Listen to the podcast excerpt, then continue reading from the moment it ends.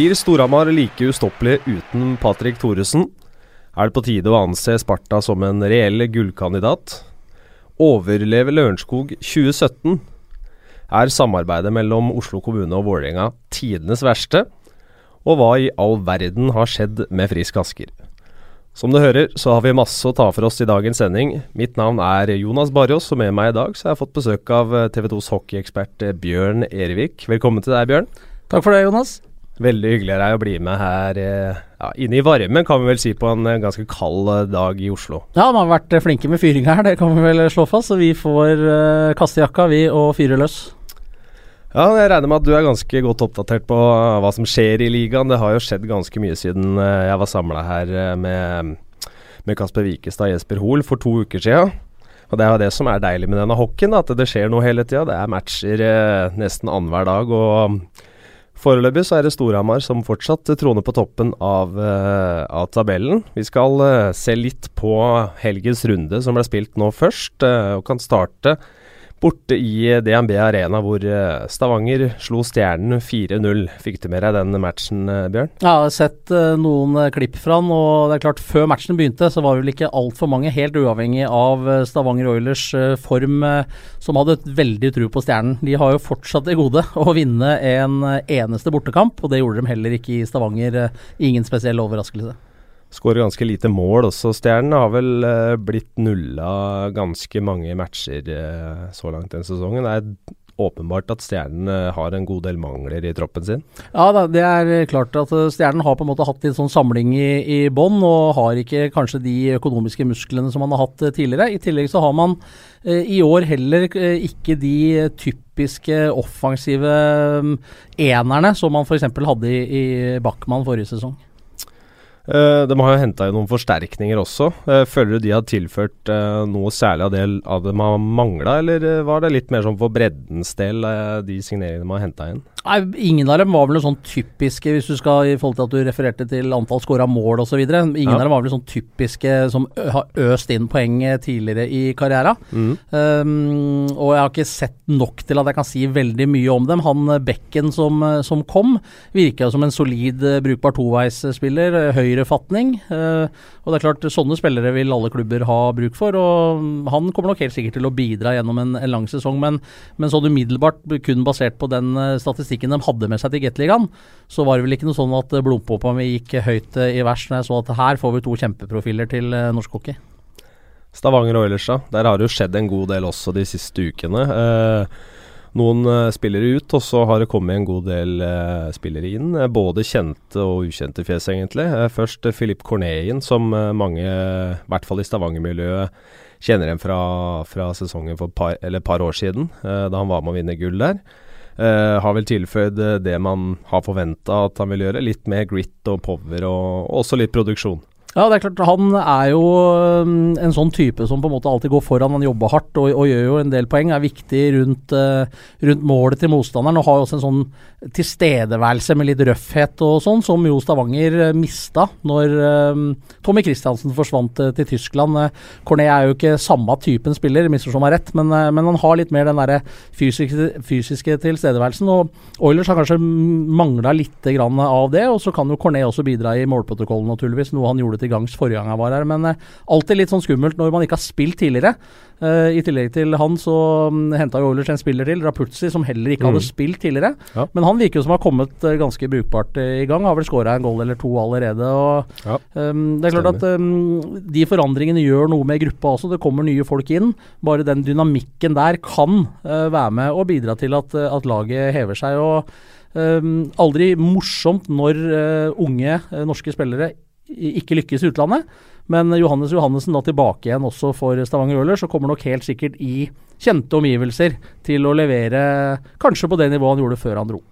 Ja, det er jo kanskje sånn fra mitt perspektiv en av de bedre signeringene de kunne gjort med å få hjem en, en unggutt som eh, som er kjent med klubben. Uh, og alle som uh, har fulgt med på Stavanger, veit hva eh, Johannessen kan få til på isen også. Eh, spesielt kanskje det å være med på å produsere offensivt. Nå har de jo selvfølgelig Curtis Gedig som, eh, som er eh, ikke kjent for å holde igjen når uh, pucken flyttes framover, men Johannessen har jo ganske bra offensive egenskaper, han også. Ja, da, det viste han jo til gangs i Stavanger sist. Må huske at han er fortsatt veldig ung, og var også ja. veldig, jeg si enda yngre når han var i Stavanger sist. og har jo ikke fått den uttellinga i Sverige, verken i Frølunda eller i de utlånene han har vært på. Uh, og har jo ikke der fått på en måte benytta sin, uh, sin, offensive styrke. Så får vi håpe da for Stavanger Oilers sin del og for Johannes Johannessen sin del at han kan finne litt tilbake igjen til, til det som gjorde at han ble interessant for, uh, for Frølunda i utgangspunktet. Ja, det er jo flere som, som har spurt om det her på sosiale medier før sendinga vår. Det med akkurat at spillere returnerer. Nå er det jo Johannessen kommer tilbake, og så har jo Tommy Christiansen returnert litt tidligere. Hva slags liksom, inntrykk du har av Get Gateligaen kontra de andre europeiske ligaene. Da. Eh, jeg veit at det er, det er, vanskelig for en nordmann å, å, gå rett fra Get til SHL og lykkes, eh, men hva med Tyskland og sånn? Ja, det, det, er et stort spørsmål du, ja. du stiller der. Og, og, det er klart det, har, det er veldig mange parametere som avgjør det, i forhold til hvilken rolle du får i laget. Du må selvfølgelig levere også, men i forhold til hvilken rolle du er tiltenkt. Ofte så er du ikke den eneste nye i et lag når sesongen tar til i august. Mm. Uh, hvem du blir satt sammen med, den kjemien som stemmer, ikke minst kjemien med en trener som, som forhåpentligvis har gjort jobben sin. Når de henter en norsk spiller, så har de fulgt med, de har sett, sett den spille. Kanskje noen har vært på besøk også i Norge og sett, den, sett spilleren live. Men når du da kommer til klubben, så er det andre ting som, som spiller inn. og Noen ganger så lykkes man ikke, men jeg tror, nå sier ikke jeg at det er tilfellet med, med Johannessen eller med, med Tommy Christiansen, som er de to eksemplene du kommer med. Men jeg tror kanskje at man eh, ofte er litt utålmodig. At man ikke Jeg kunne godt sett at man kanskje sto i det noe lenger, da. For å se om man kan lykkes før man vender hjem igjen. At man har si, fått returer litt for tidlig, da, om vi går an å si det på den måten. Ja. Men det, samtidig så er jeg helt enig i det du sier, at det er ganske mange, mange faktorer som skal Eller som er med på å spille inn om man lykkes, inn, lykkes eller ikke. Eh, alle veit jo her i Norge hva Tommy Christiansen er god for. Eh, men samtidig så er eh, Jeg vet ikke om den tyske ligaen med, med hjemlige spillere der, om nivået på dem er noe særlig høyere enn enn de generelt er i Norge.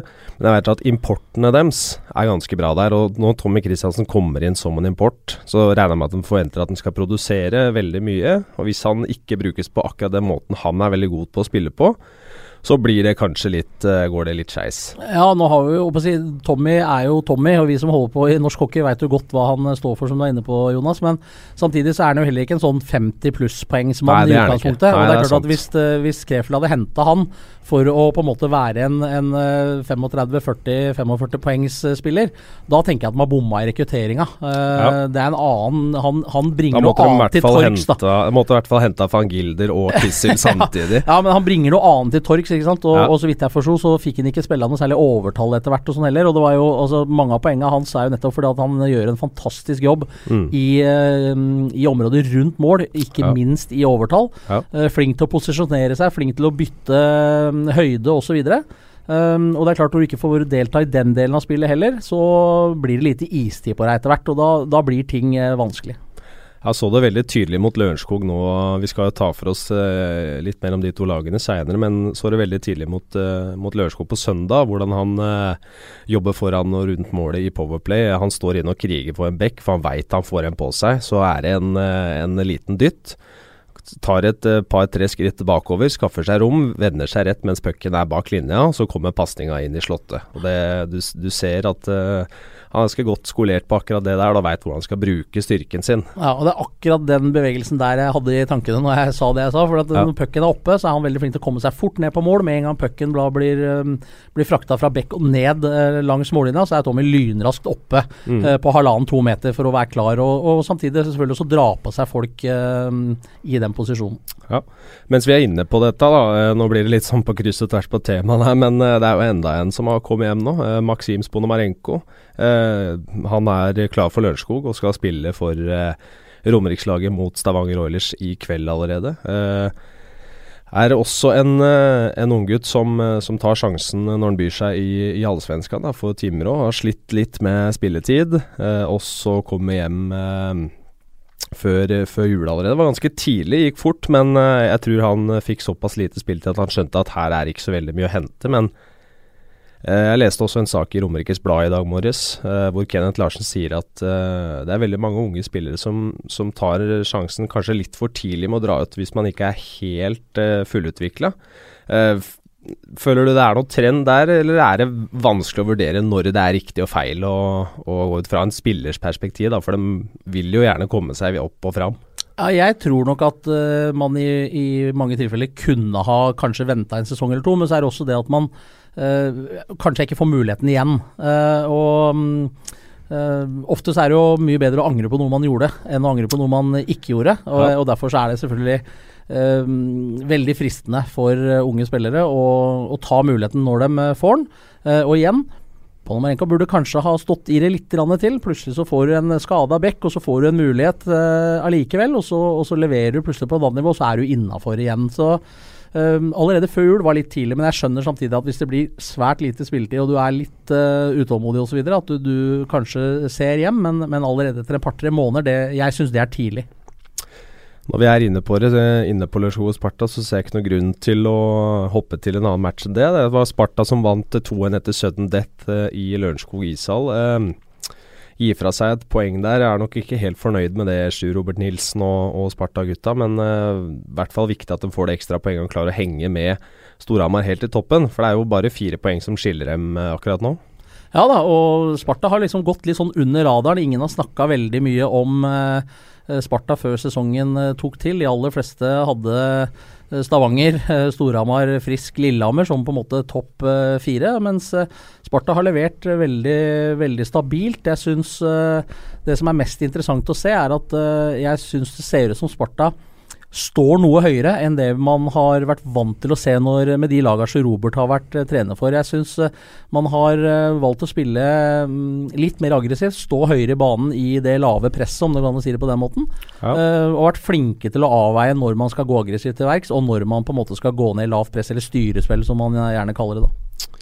Er det en bedre måte å spille på, eller er det en måte som passer Spart Uh, altså årets Sparta-utgave bedre enn hva, hvordan man spilte under Lene Eriksson? Ja, men Det er også en interessant spørsmål. For ofte så har jo trenerne sin filosofi, og så er ja. jo den evnen å kunne på en måte tilpasse det litt i forhold til det spillematerialet du har. da. Ja.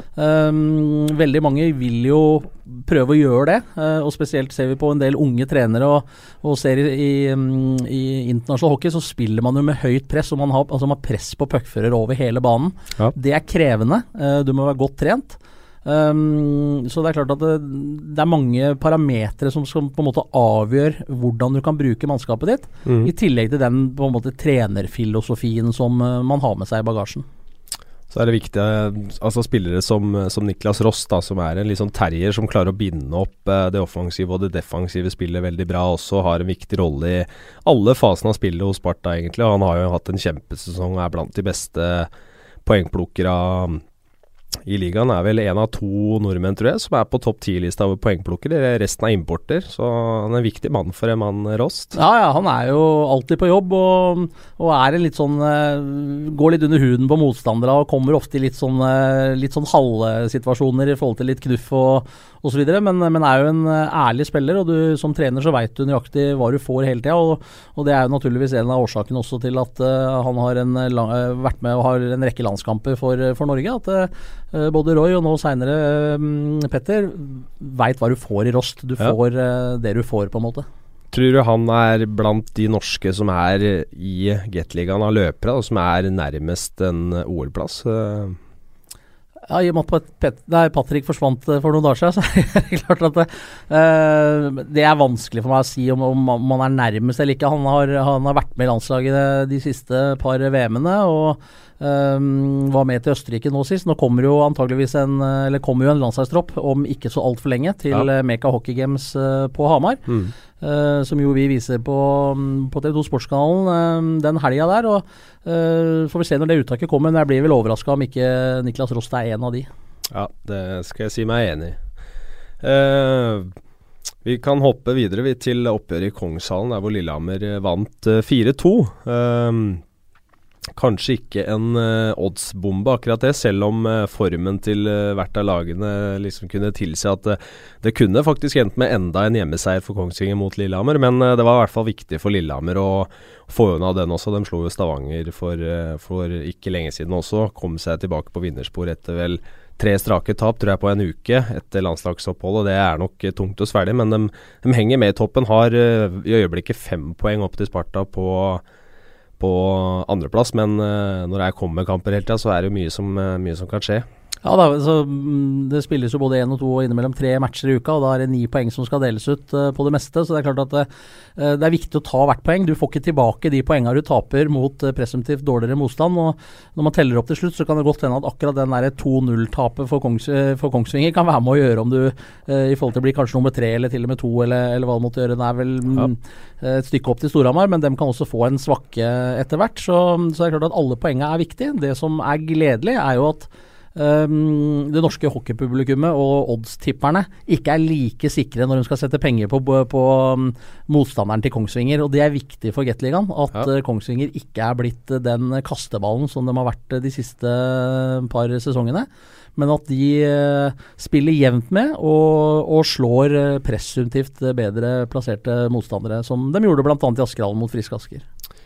Eh, jeg veit ikke hvor mye du har sett av Kongsvinger, men klarer du å liksom peke på noe annerledes? Du var inne på det med Sparta, hva de gjør i år kontra fjor. Eh, har du sett noen lignende forskjeller i spillet til eh, Kongsvinger? Nei, altså Når det gjelder Kongsvinger, så har nok det mye å si litt i forhold til spillematerialet også. De har jo henta Nå er det ni utlendinger de har nå, når de, får, når de har valgt å, å la Killar, keeperen, eh, reise til Tyskland. Eh, så de har jo større konkurranse på plassene, og også henta kanskje på et noe høyere um, nivå enn de har gjort tidligere, selv om de har hatt uh, spillere som har på en måte gjort en helt ok jobb sånn rent sånn poengligamessig. Men nå har de flere strenger å spille på. Um, og, og, det bidrar jo selvfølgelig til at uh, gamle vikinghelten Eged Galliani, som er trener for Kongsvinger, har, har, noe mer å rutte med selvfølgelig, og kan, kan sette sitt preg på, på laget. og Um, totalt sett så, så har vi en ålreit blanding der. Disse utlendingene vi henta er jo på en måte ikke gamle avdanka spillere, men det er college-spillere og, og, og, spillere som har um, si fremtida foran seg, som jo de fleste har. Men uh, det, altså, det, det, virker som de har rekruttert ganske smart, for uh, alle disse nordamerikanerne de har henta, har ikke spilt i, i toppligaen i college-systemet.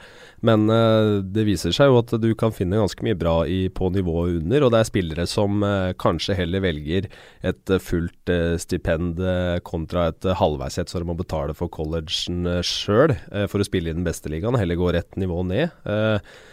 Blir fort da også noen, eh, noen kroner billigere, vil jeg tro, for, for, klubbene som henter dem. Ja, det har du nok eh, helt rett i. Og, og, det er klart, som du er inne på, du kan finne mm, si, spillere som, eh, som, kan levere på et veldig høyt nivå der også, rett, nettopp av de årsakene som du er inne på. Uh, så er spørsmålet hvor gode muligheter man har til å, å scoute de type spillerne i, i, den type liga osv. Ja. Leter man godt nok på nett, så finner man sikkert uh, klipp osv. ja. Men jeg vil tro at uh, når det gjelder Galliani, da, uh, treneren til, til, Kongsvinger, så har han sikkert ganske brukbare kontakter rundt de klubbene der, der disse spillerne har, eller er representert. Ja, det var jo mange som Eh, lanserte han som en mulig arvtaker for Petter Thoresen. Eh, tror du han kunne, kunne gjort en bra jobb i Stavanger Oilers òg? Klart, Der er utgangspunktet et helt annet. Ja. Spillematerialet er et helt annet. Så det er et spørsmål som det er vanskelig å svare på. Men han ville i hvert fall hatt gode forutsetninger, for han var en særdeles populær mann i Stavanger-hockeyen da han herja på 80-tallet. Ja, vi får se. Uh, hopper videre til Oslo-derbyet, der Vålerenga endelig kunne vise at de er best i byen. Vi får se hvor lenge de klarer å holde på den tittelen, for det, det, skifter litt sånn et runde for runde. Men uh, i hvert fall en ganske solid seier av Vålerenga, som har vært ganske skadeutsatt uh, i det siste, men allikevel har klart å komme seg på, på seierssporet og vinne i seks av de siste sju matchene. er Ganske imponerende med tanke på hvem de har hatt ute. Ja, Det er ikke bare ganske imponerende, det er fryktelig imponerende, ja. eh, syns jeg. Det er tunge spillere som har vært ute. Altså spillere som uh, bidrar i stor uh, grad for uh, Vålerenga. Og um, i en tillegg allerede ganske tynn, tynt besatt tropp i utgangspunktet Så det Vålerenga har levert de siste par-tre ukene med den skadelista de har hatt, det er veldig, veldig veldig imponerende, det må jeg si. Og uh, MS hadde jo god selvtillit på vei inn uh, med tanke Absolutt. på de tidligere møtene med, med Ja. Vålerenga. Men, uh, men allikevel uh, imponerende av, uh, av Vålerenga, det de har levert i det siste. Og for så vidt også MS, som har vært uh, mye bedre enn det kanskje mange hadde trodd før denne sesongen også. Men uh, hva er det Vålerenga har gjort annerledes? Hva er det de har klart å lykkes med i disse matchene? I hvert fall så har de klart å skåre litt mer mål. Det har vært en viktig faktor for dem. Uh, så har uh, Ja, nå var vel ikke Lindstrøm ute så lenge som de først hadde antatt. Uh, Syns jeg så på nettsida til Vålerenga at den muligens skulle være ute opp opptil en måned, kanskje lenger også. Uh, var vel ute en uke eller noe, men så tilbake. Han er en viktig mann, men spesielt kanskje Rasmus Alholm har jo vært eh, uhyre viktig for Vålerenga så langt. Ja, og det er klart når eh, de to parhestene som han jo hadde i hele fjorårssesongen, eh, ute på en, i en periode, og Ylven er ute i en lang, lang stund til, Ja. så um, har han da tatt enda større ansvar og levert. Men samtidig så har jo Vålerenga sluppet inn færre skåringer også. Ja. Uh, og det har jo kanskje vært noe av større problemet til Vålerenga litt sånn innledningsvis. At vi ser på forsvarsspillet kombinert med målårsspillet. Ofte så henger jo målårsspillet sammen med nettopp forsvarsspillet. Og det er klart at eh, Steffen Søberg har jo heller ikke levert uh, de tallene som vi er vant til å se fra den uh, kanten, men, uh, men det um, er ikke hans årsak alene, naturligvis.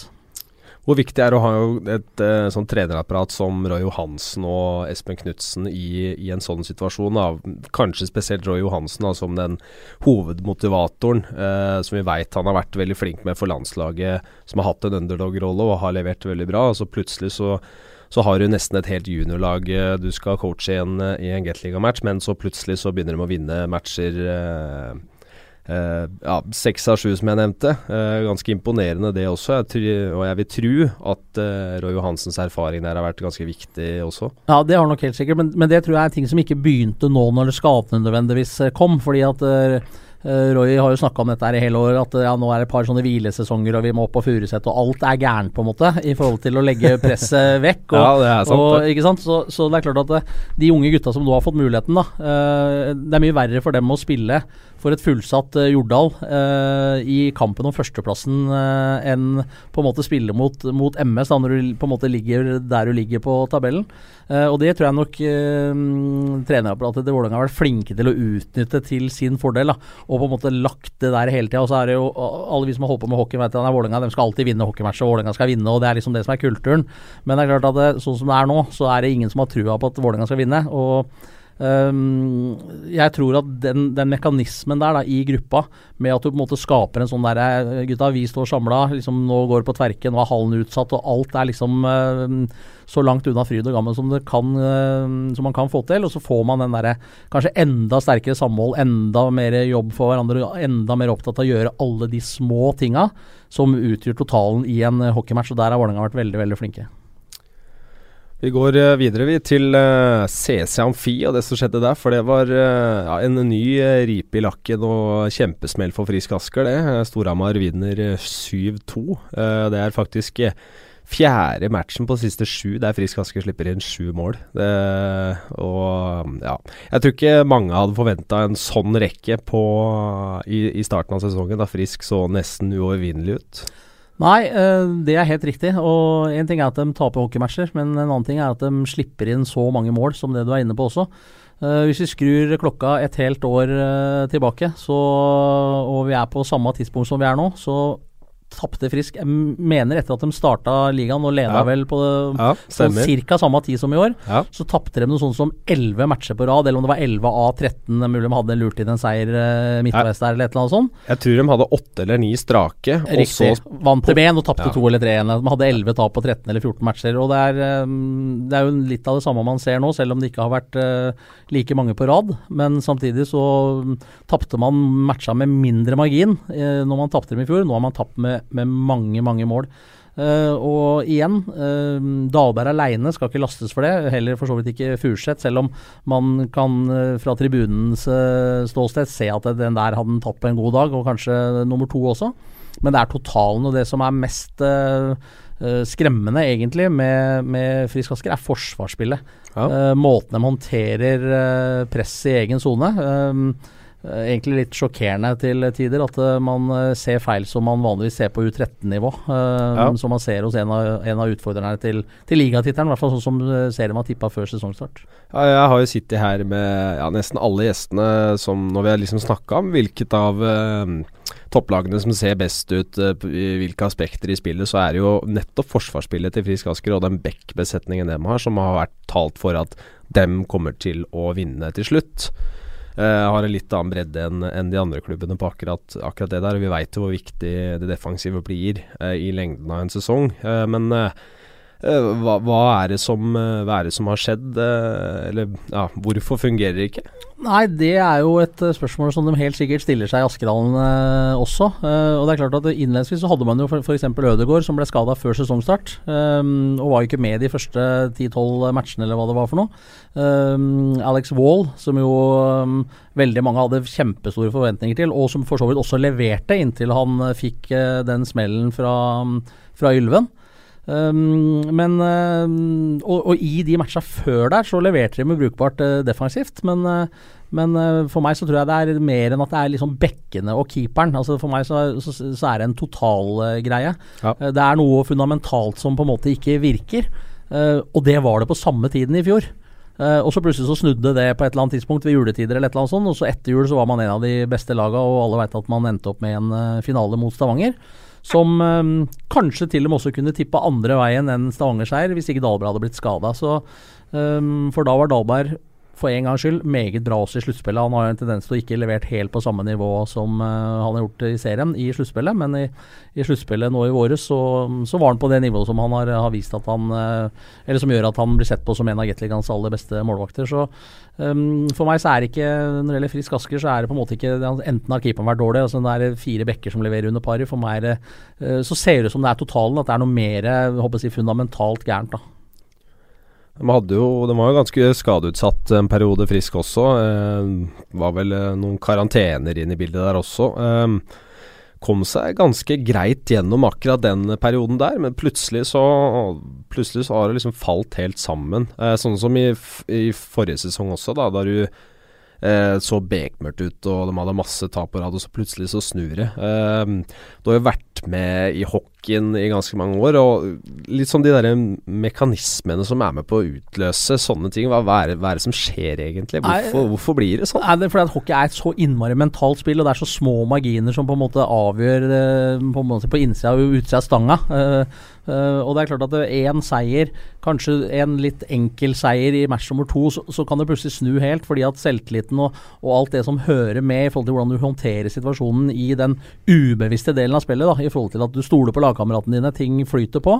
Uh, og, så, og, så, bygges det selvtillit, og så, og så føler man seg plutselig ustoppelig, selv om man tapte ti matcher på rappen for noen uker siden. Og, og det er jo noe av det som gjør uh, hockeyen så utrolig interessant. Da, at det er den mentale biten av det betyr så mye, fordi det er så utrolig mange små situasjoner, små dueller, små ting uh, som avgjør uh, kampbildet, og til slutt også, også kampen. Uh, og så er det jo Altså, det har skjedd ganske mye utenfor isen også, Frisk Asker. Eller det har ikke skjedd så mye, men i hvert fall inntrykket rundt i hockeymiljøet er at det skjer veldig mye inni garderoben eller i Askerhallen. Uh, som, uh, som, kanskje ikke Frisk Asker eh, vil skal komme ut. Eh, vi kan i hvert fall starte med det som er et faktum, og det er at Mario Lamoureux, som det ble satt veldig høye forventninger til i starten av sesongen, var vel kanskje den som skulle være best av importene de henta, er uh, ferdig Frisk Asker. Har vel signert for uh, et lag i NLB, jeg husker ikke helt hva det heter, men uh, uh, veit du, eller hva, hva har skjedd der? Nei, altså I utgangspunktet, som du sier, så var det store forventninger til Mario Lamoreux, og var vel også innledning av den eh, beste importen. Eh, eh, Fram til han dro, så leverte han jo ca. et poeng eh, i snitt, men har nok vært litt eh, å si offer for at en del av de offensive spillerne som han kanskje var tiltenkt en rolle sammen med, ble skada. Og, um, og, har gjort at han da kanskje har fått litt omgivelser som har ikke helt fungert. Uh, optimalt for, uh, for Lamoreux. Men uh, om det er andre ting som på en måte har vært innvirkning i forhold til å uh, Om det er andre ting han har mistrives med i forhold til samboer og sånne type ting som, som, også var i Asker, det, det vet ikke jeg. Men, men, det er klart at han leverte allikevel et poeng i snitt i de matcha han, han var her. Men trenden mot slutten var uh, at heller ikke han hadde den man, man, så det litt tydelig i den entusiasmen han viste på isen da, i forhold til ja. innledninga. Ja. At den også slukna litt. Men, men, det har jo på en måte vært litt tilfelle med hele Frisk Asker, slik jeg ser det. Som, eh, som, jeg nevnte, så florerer jo ryktene. Eh, det har vel liksom vært snakk om, eh, og det er jo ikke Når, når først ballen begynner å rulle med disse ryktene, så er det jo nesten ingen grenser for hva folk skriver. Og i hvert fall, jeg, synes, jeg elsker å sitte og følge med på sånn, med på Twitter og Facebook, og syns det er veldig gøy på alt som folk drar opp av hatten. Og mye av det virker som de bare finner på sjøl også, men men altså, det, det ryktene om liksom intern misnøye, at flere ønsker seg vekk og at uh, spillergruppa ikke er så glad i Sune osv. Hva, hva tror du om det? Det er vanskelig for meg å, å, svare veldig inngående på, men jeg tror at øh, Frisk uansett, øh, etter å ha, ha, sett de uttalelsene i sammenheng med øh, at det kom for en dag at Mario Lamoureux ønska å forsvinne, så har nok helt sikkert Frisk Asker som klubb gjort noe grep på det, i hvert fall forhørt seg, hatt samtaler osv. Og, så Um, jeg så jo også at det sto at det var tre i en eller annen sammenheng et rykte om at det var tre andre som hadde gitt beskjed om at de om Det virka som de hadde gitt beskjed om at de skulle forsvinne fra Frisk Asker, men uh, foreløpig så har det i hvert fall ikke kommet ut noen flere navn om andre som er um, misfornøyde og har de tankene. I hvert fall hvis man følger sosiale medier, og det gjør vi jo, Jonas. Men, uh, det gjør vi. uh, men, så, så, igjen, det var rykter om at Saponari både var på en kafébar i Asker og på, i CC Amfi her uh, mot uh, Storhamar, at han da skulle muligens være på vei til uh, Frisk Asker. Men jeg tror ikke det var mye hold i det heller.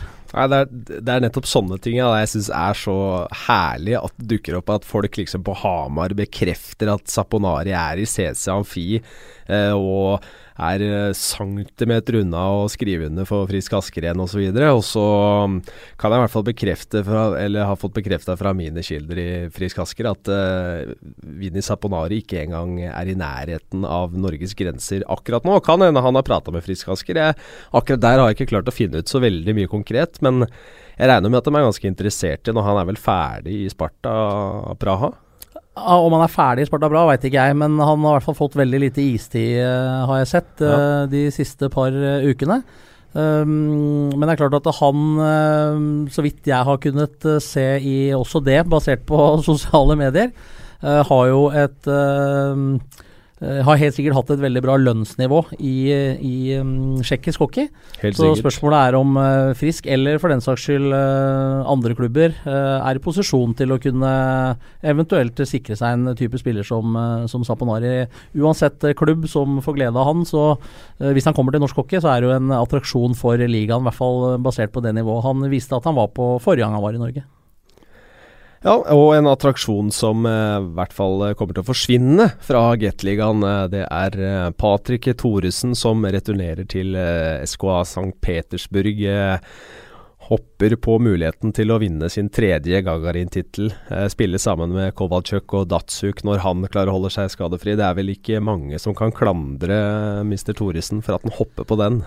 Nei, de leder jo ligaen allerede med et par og tjue poeng eller et eller annet sånt. Så ja, alt tyder jo på at uh, han i hvert fall får med seg et uh, russisk seriemesterskap. Uh, og det er klart at når CK St. Petersburg lurer på om du har lyst til å komme tilbake igjen, så er det naturligvis vanskelig å si nei. og Um, det gjorde han jo heller ikke, og, og Storhamar og Patrick har jo vært klar på dette hele tiden. At skulle noen spennende muligheter um, åpne seg i utlandet, så har Patrick den muligheten at han kan eh, forsvinne. og uh, Jeg tror uh, ingen er veldig, veldig overraska over at uh, når den muligheten kom i St. Petersburg, så takka Patrick nei. Jeg er ikke sikkert han hadde gjort det til en del andre tilbud framfor det å fortsette og eventuelt ta et gull med Storhamar, som jeg er helt sikker på at Patrick har hatt veldig veldig lyst til å gjøre. Ja, det tror jeg Jeg, jeg syns vi alle egentlig som er glad i hockey i Norge, kan eller får prise seg litt lykkelig over at vi har sett Patrick Thoresen i Storhamar-drakta, og at han har spilt i Gateligaen. For um,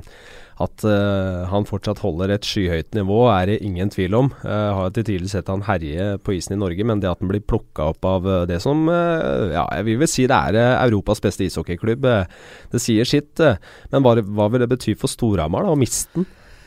Det blir jo veldig interessant å se. De ni konkurrerende klubbene håper sikkert at det skal bety veldig mye. Og Ja. det kan det godt hende at de gjør også. Nå har eh, Patrick eh, kanskje produsert noe mindre enn det de mest ihuga Storhamar-fansen kanskje hadde håpa han skulle gjøre.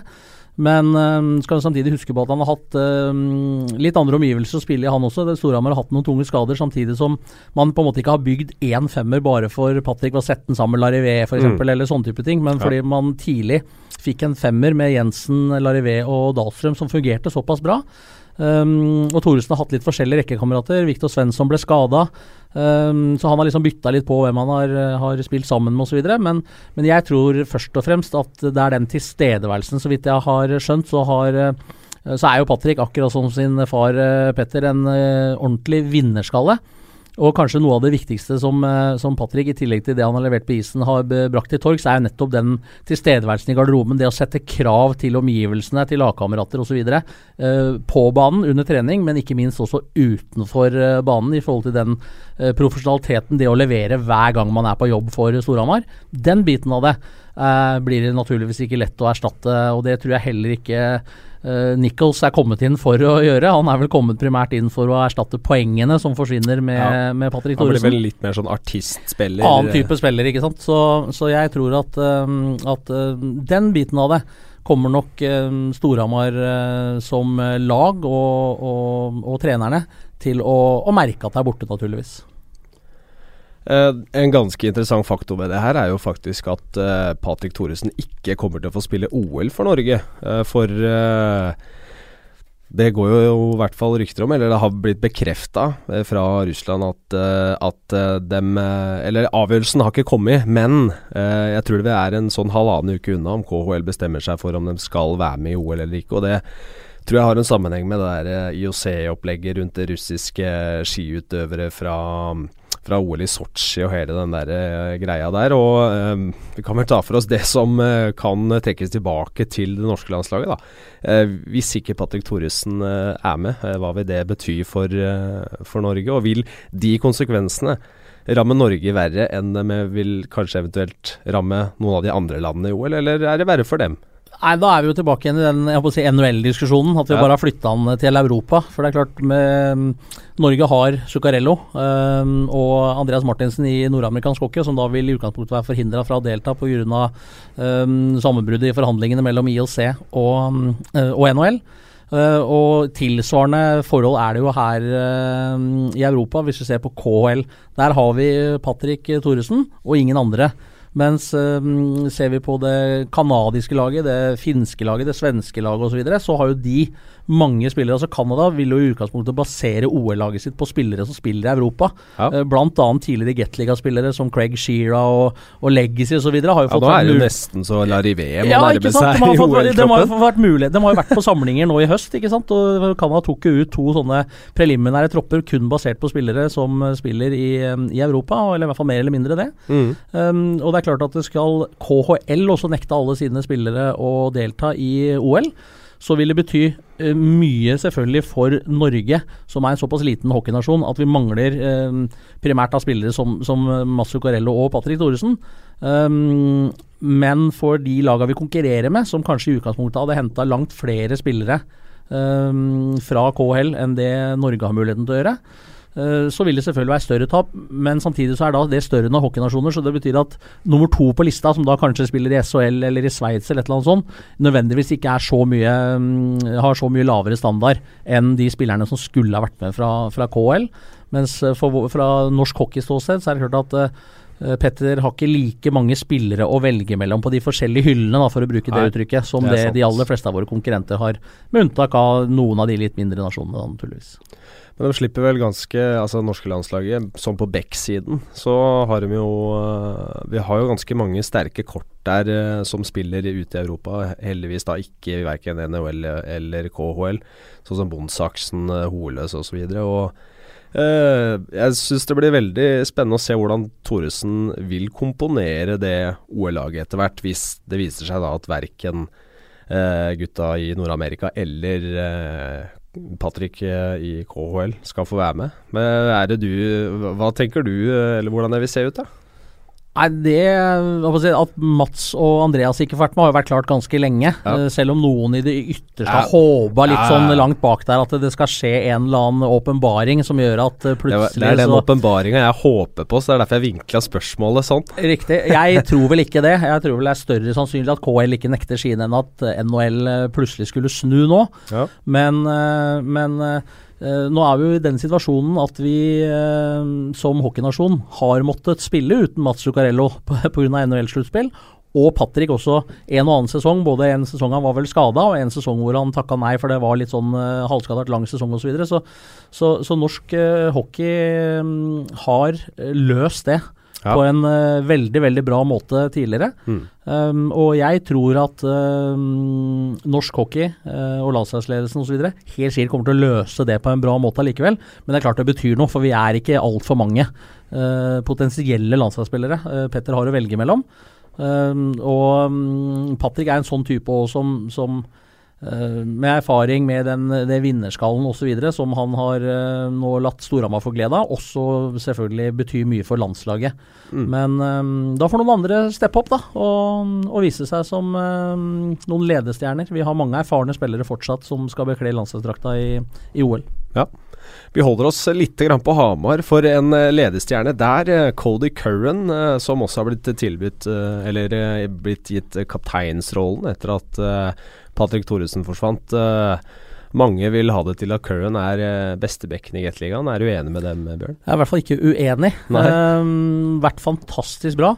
Uh, og det som er interessant, da uh, Til å begynne med, treningsmatcher, kanskje et par seriekamper så var det jo sånn at enkelte mente han skulle spille med sånn fjærpryd, for det var indianerpasninger og tversover og litt av hvert, så man var redd for at han mangla totalt defensive fiber. Vi visste at han kunne levere offensivt. tallene Tallet hans fra bl.a. Danmark i fjor eh, viste jo det. Eh, men etter hvert som han har fått blitt trygge på i omgivelser og, og spillet hans har fått satt seg for Storhamar, så har han levert på meget, meget høyt nivå. Uh, er en spiller som um, tar en del uh, risiko, men har minimert feilene i den risikoen han gjør. Og når han da leverer offensive lekkerbissener som det han gjør, så du må ta med deg litt av de tinga der innimellom, bare det ikke blir for ofte. Skal du legge bånd på en sånn spiller, så, så det er noe vi kanskje gjør altfor ofte med litt unge spillere. for å trekke den parallellen litt, i forhold til at man, man knebler unge spillere som har litt av de egenskapene, fordi man litt for ofte gjør feil i ung alder. Uh, Cody Curran er såpass rutinert at han helt sikkert hadde trua på at jeg bare fortsetter. Så kommer dette her uh, etter hvert, og det har du jo til de grader gjort. Og PT så er jo liten tvil om at, uh, at Curran er uh, Gatligans beste back. Men er han Skal vi se Han kommer til å bli viktig for dette Storhamar-laget uansett, det veit vi. Og så har jo henta inn eh, Marinaccio og Josh Nichols eh, offensivt. De har jo en enorm bredde offensivt, Storhamar, uansett om Thoresen har forsvunnet eller ikke. Og er vel, eh, er vel eh, største gullfavoritt akkurat nå. Eh, men eh, noe som slår meg, da, er jeg føler at liksom Sparta, som du nevnte innledningsvis, har gått litt under radaren. Eh, selv om de har klart å kjempe seg helt opp dit. Fortjener Sparta-laget å bli ansett som en reell gullkandidat? Eller er det noe som skurrer der, syns du, som gjør at de ikke kommer til å ta, kunne ta gull? Jeg blir overraska om de uh, vinner til slutt, men, ja. uh, men, å si at de ikke er en gullkandidat, det blir feil. For de har levert såpass uh, bra resultater og, og, hatt jevnt bra prestasjoner. Har liksom ikke gått på noen sånne kjempeblemmer og heller ikke hatt noe, noen sånn ordentlig svakke. De aller fleste laga får jo en eller annen sånn periode hvor man, hvor man taper mange matcher. Um, nesten utelukka. Um, og det er klart at det, hvis man klarer å minimere de periodene, så mm. er man en gullkandidat. Ja. Uh, og det er, eh, det er Sparta. Uh, og det er bare å se på tabellposisjonen, og så se også på hvilken måte de uh, leverer og vinner kampene sine, selv om de nå i siste matchen rota bort et poeng mot nest jumbo Lørenskog. Så um, ja, Sparta er en gullkandidat. Nei, jeg tror ikke de tar gull. Nei. Det som uh, er noe av det mest imponerende, syns jeg, da, og jeg har nevnt det selvfølgelig flere, ganger, uh, men det har ikke endra seg siden da. De har klart å hente importer som har litt mer X-faktor enn en, uh, i hvert fall forrige sesong.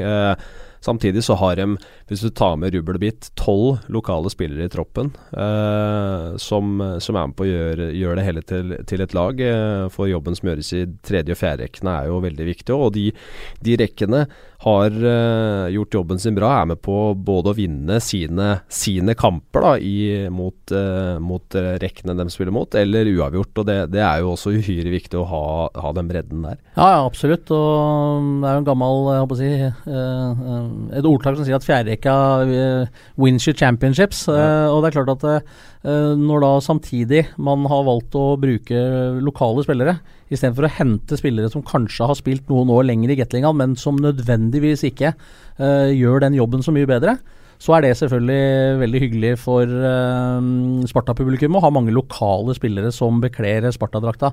Uh, og det er jo noe som hvis vi ser litt større på det i norsk ishockeysammenheng, naturligvis også vil etter hvert kunne gi seg utslag i juniorlandslagene.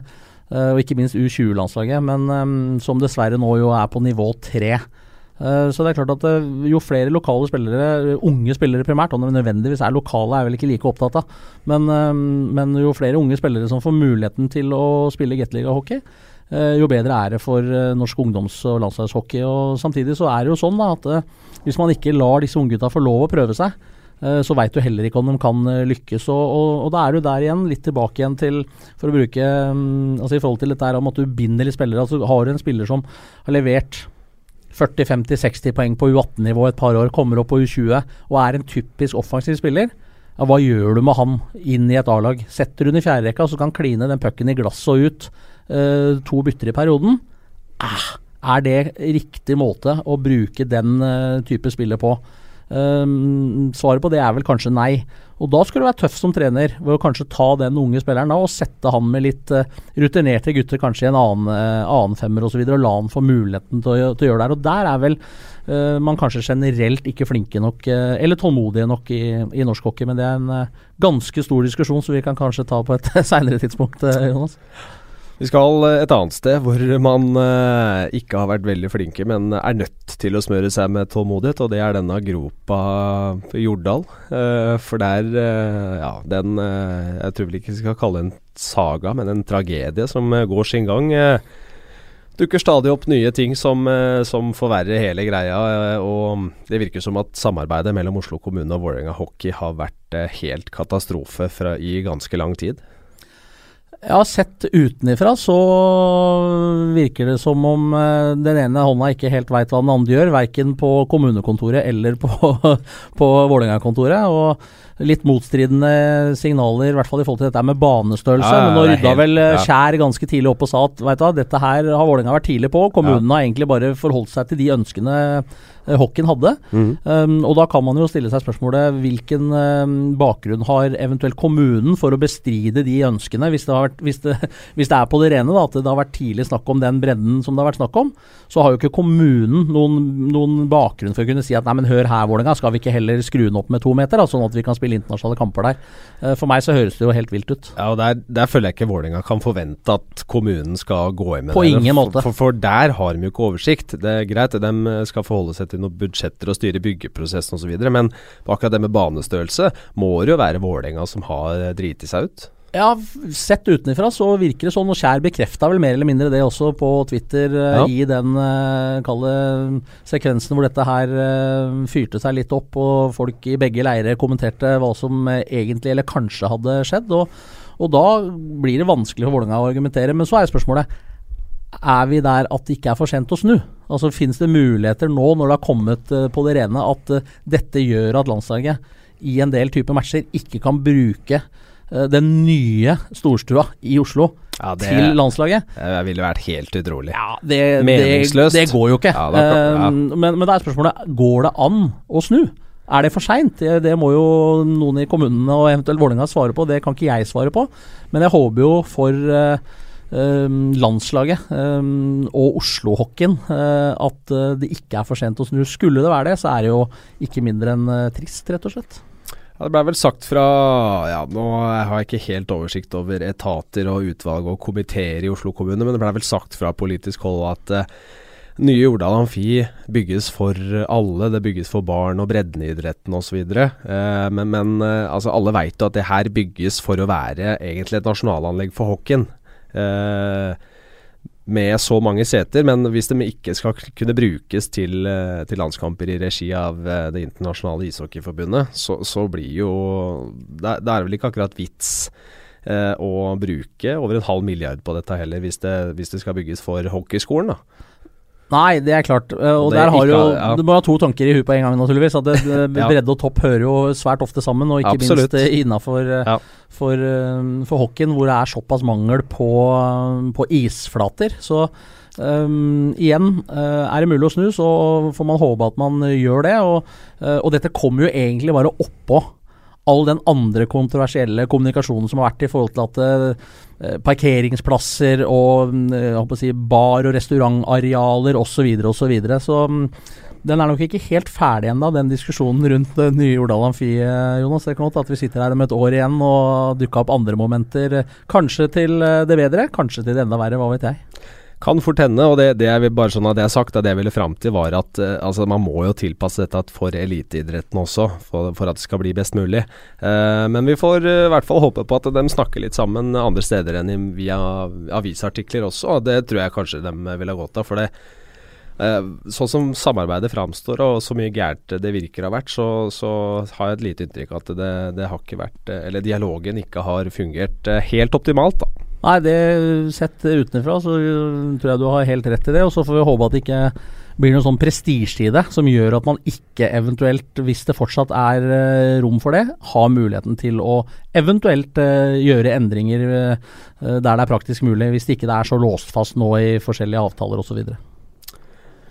Andre steder hvor alt ikke er på stell, så trenger vi faktisk ikke reise mange kilometer. For på, på Lørenskog, så, sånn økonomisk sett, det sportslige får være sitt, men eh, utad så virker det som at klubben kjemper for overlevelse nå. Eh, eh, skulle i utgangspunktet vært i skifteretten allerede i går. Eh, det var en sak, eller en konkursbegjæring, fra et agentselskap som mente de hadde ganske mye utestående. Eh, det var konkursbegjæring nummer tre denne høsten. Eh, kan bekrefte at den saken, eh, der er det inngått et forlik. Mens så rekker de så vidt å få bli kvitt den saken. Så kommer en ny konkursbegjæring. Det er den fjerde i rekka i høsten. Den andre fra Lørenskog kemnerkontor. Og som har, eh, den er vel beramma 14.12., hvor de må jeg, jeg tror det er snakk om noen hundre tusener fra et krav som opprinnelig var på nesten tre millioner kroner.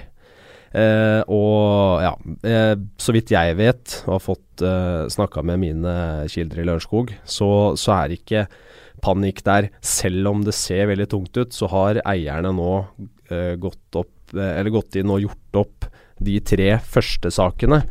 Eh, hvis du da ikke har tenkt å gå inn og ta den fjerde, så har du jo Ja, hva skal man si? Driter deg loddrett ut.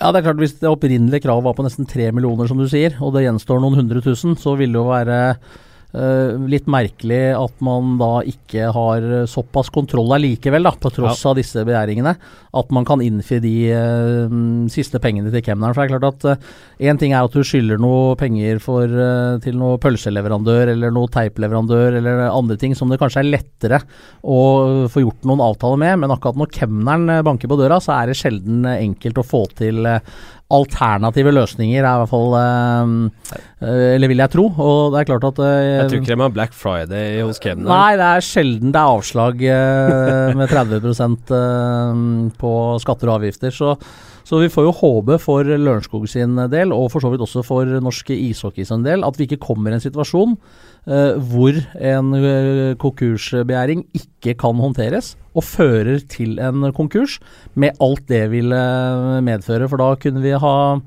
Uh, lagde en helt ny tabell, bl.a. i forhold til at Lørenskogs kamper da ville bli, hvis de ikke ville fulle, kunne fullført uh, sesongen, ville blitt strøket uh, osv. Og det er klart, uh, uansett hva man måtte mene om Lørenskog og dems vei inn i, i toppen av norsk ishockey osv., så, og så, videre, så ville det vært en katastrofe for norsk ishockey å miste et lag midtveis i sesongen med forandring av tabeller og fjerning av poeng og osv. Så, videre. så for norsk ishockey og for Lørenskog så får vi håpe at de har såpass kontroll at også de siste penga til kemneren eh, kommer eh, på bok eh, før vi tar jingle bells. Ja.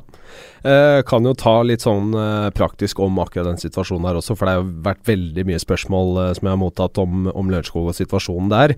Uh, flere også lurer på hvorfor de uh, klarer å signere nye spillere når de har såpass mye utstående. Uh, kan jo ta det som har skjedd sist først, og det er med at Max Ponomarenko er signert igjen. Og jeg tror det er for denne sesongen og neste. Det veit jeg har blitt gjort fordi både sponsorer og supportere har bidratt med midler som har gjort for at de har, har penger til det. mens de andre så handler det om altså alle de konkursbegjæringen og pengene de må, måtte ha betalt til det, eh, så er det eh, saker som er liksom et etterslep fra tidligere sesonger. Eh, før dette nye AS-et som drifter eliteklubben til Lørenskog med fire eiere nå, ble oppretta. Det handler om et, et, tidligere aksjeselskap som hadde en veldig, veldig høy gjeld. de fire eierne har også gått inn og sagt at dem skal ta for seg Uh, uh, hele det etterslepet, mens penger som kommer inn nå fra, fra sponsorer og salg og, og uh, billettinntekter, kun skal dreie seg om den sesongen her og årets satsing. så det er derfor, i hvert fall, at de, de, signerer nye spillere. Så får man jo selvfølgelig mene hva man vil om måten det gjøres på, regnestykket og det hele, men da er i hvert fall det oppklart. Og det er i hvert fall det jeg har fått høre fra Lørenskog-miljøet, da. Ja, du har jo en, si, en, lisensnemnd i forbundet som på en måte gir uh, elitelisensen før sesongen uh, tar til. Og, og, det blir litt sånn som i, i, i, banken. Når du skal gå og låne penger, så kan du godt ha høy gjeld, og du kan godt at du får låne enda litt til.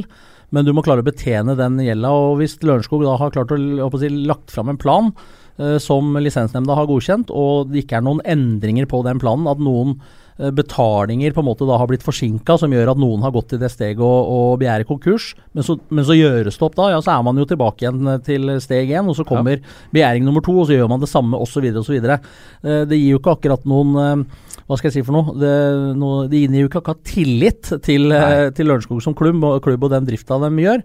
Men samtidig, så mm, lenge de da uh, har den biten under kontroll, og de nå løpende um, betaler og gjør opp de konkursbegjæringene, om det skulle komme nummer fem og nummer seks også på nyåret, så, så, har jo på en måte mm, hva skal jeg si, forbundet sitt uh, i hevd i forhold til at man har hatt den planen og man har levert et budsjett som er godkjent.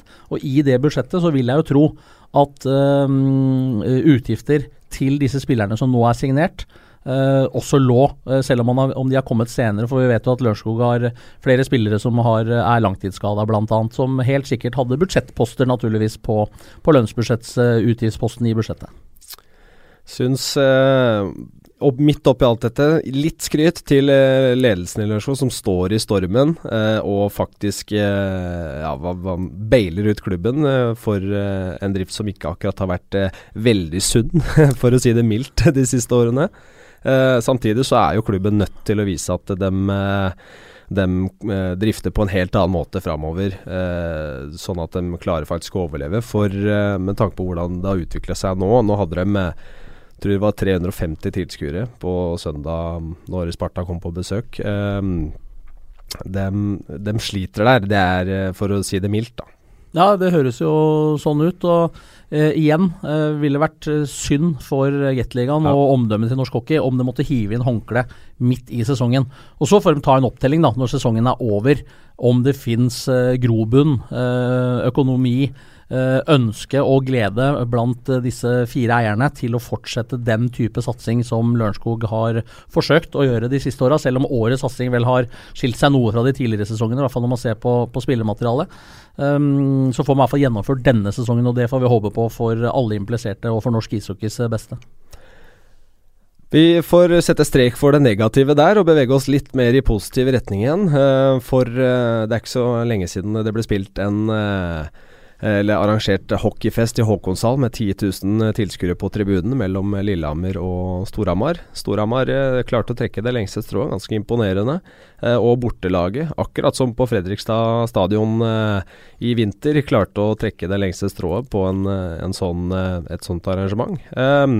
fått et spørsmål fra Espen Skoglund på Twitter som, som lurer på at en sånn hockey-classic på Lillehammer burde bli en fast greie, eller om det eventuelt er noen andre klubber som burde, burde prøve seg på noe lignende arrangement som har vært nå de siste Eller ja, det var vel i samme kalenderår, hvis jeg ikke husker feil. Um, at man klarer å, å, skape en lignende fest. Uh, at noen andre klubber må uh, ta opp det neste sesong, da.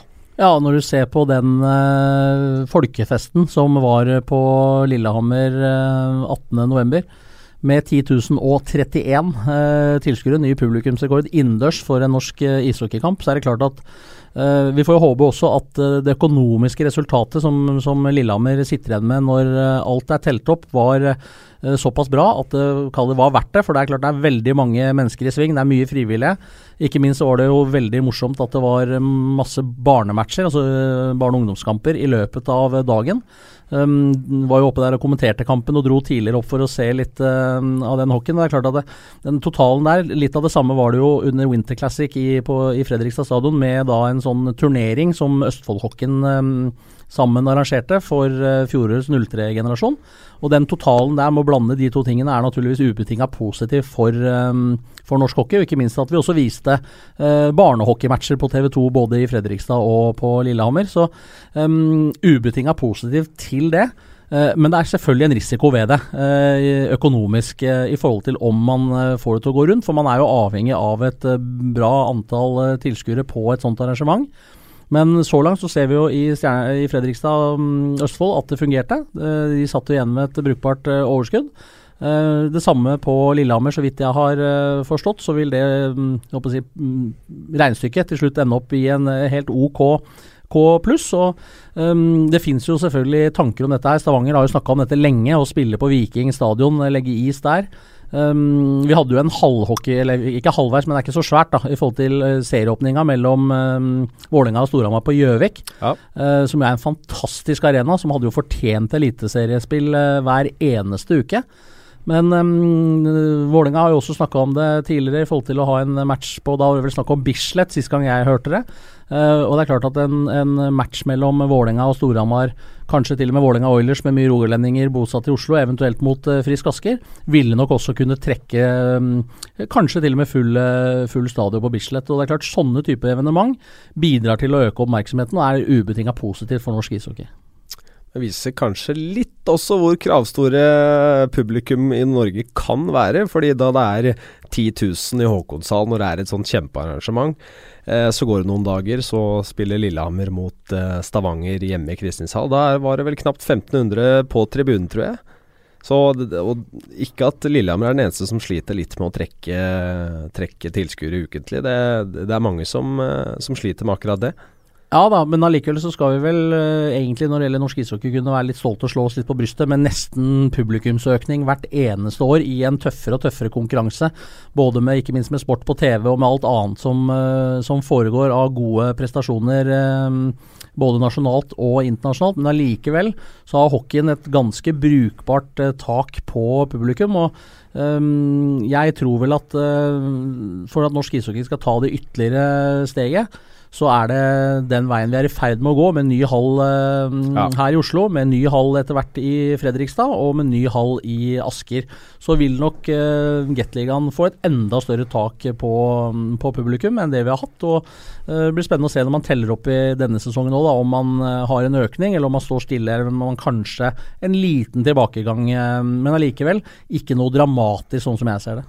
Nei, og det er vel kanskje et, eh, et, ganske rasjonelt eh, argument i akkurat den diskusjonen om publikumstall. Eh, det er selvfølgelig noe som brukes av supportere for, for alt det er verdt når lag skal sammenlignes, hvor store klubber er osv. Men, men som totalt sett så er jo hockey nødt til å eh, sammenligne seg med andre idretter. Og man er jo større enn håndballen, eh, som har et flaggskip med håndballjentene som plutselig så trekker de halvannen millioner TV-serie i, i, desember. Eh, nå er det ikke lenge til det starter et nytt mesterskap, eh, for jeg må regne med at det kommer til å skje det samme da. Men, men sånn totalt sett så kommer jo hockeyen veldig godt ut.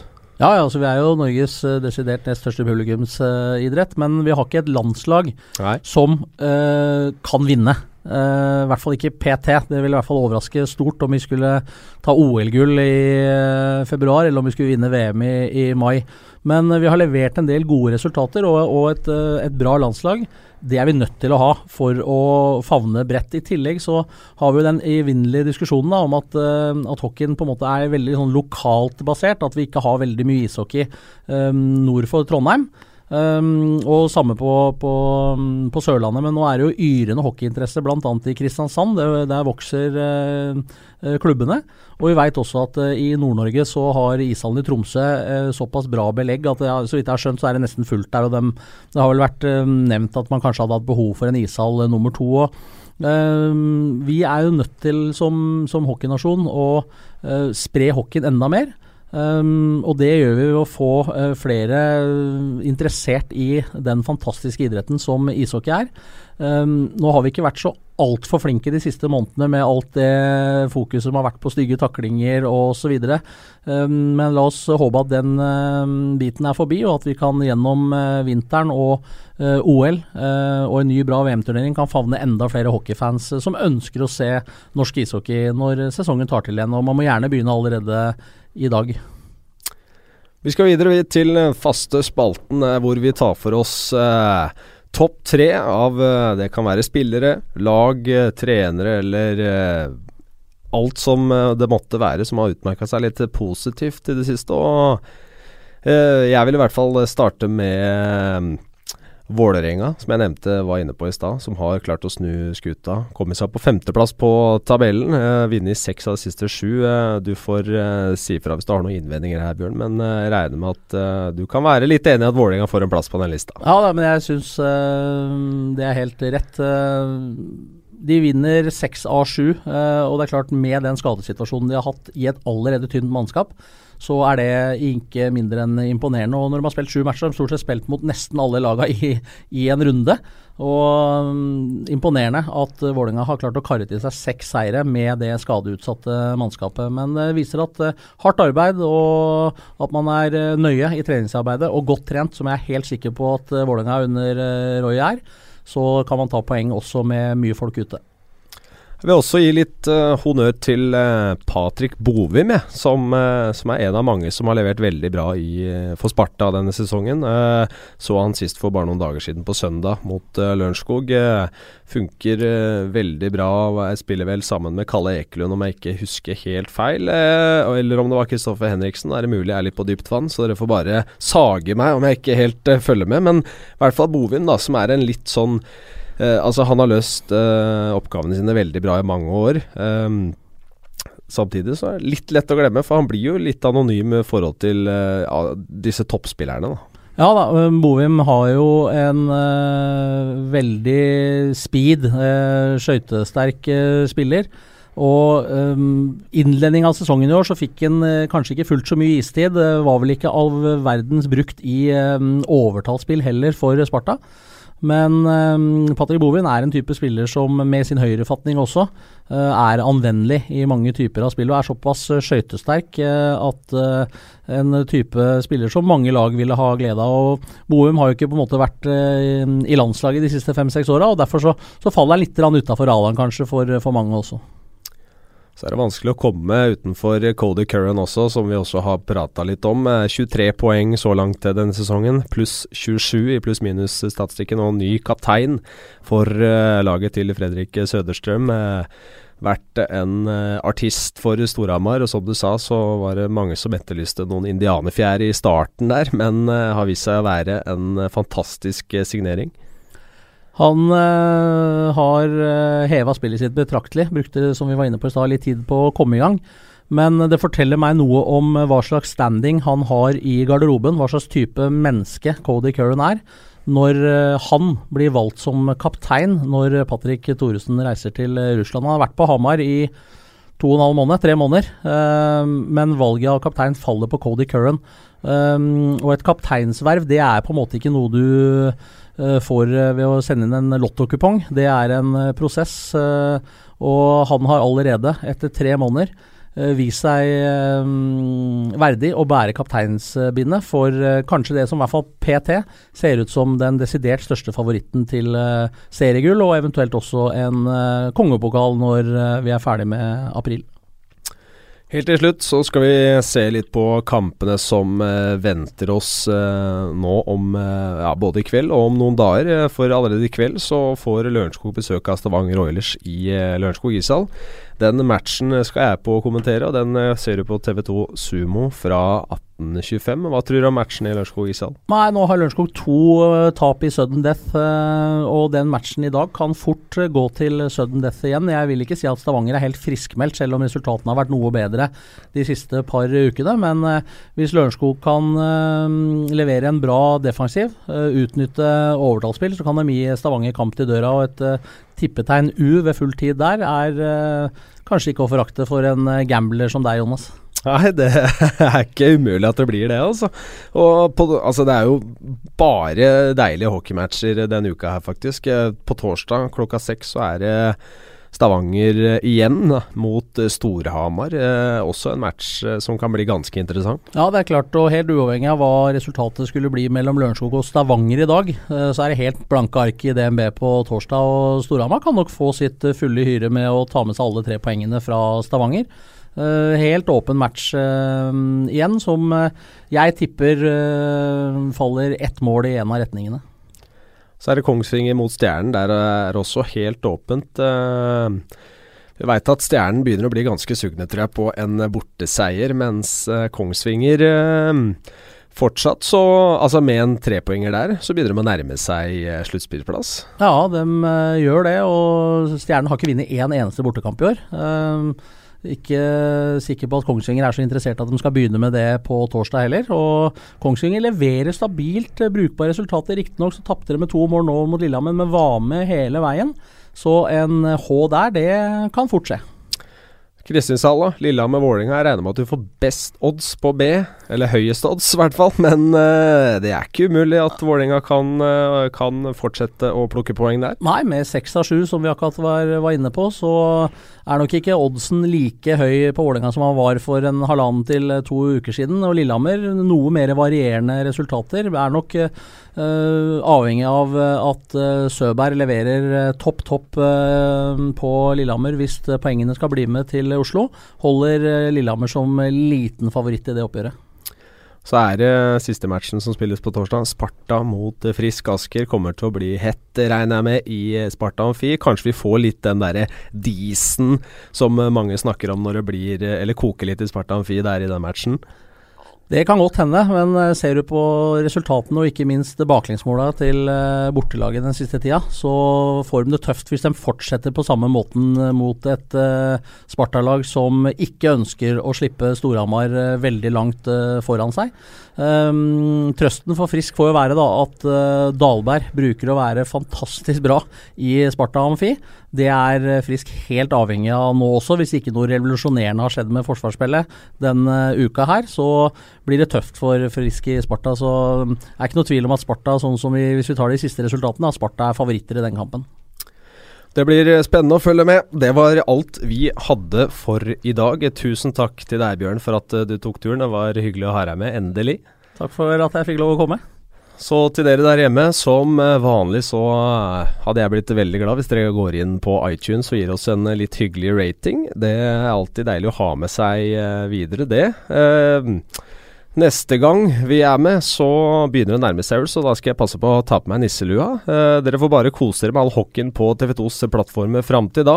Fortsett å sende inn spørsmål og innspill på sosiale medier, så vi kan ta for oss så mye vi kan. Morna!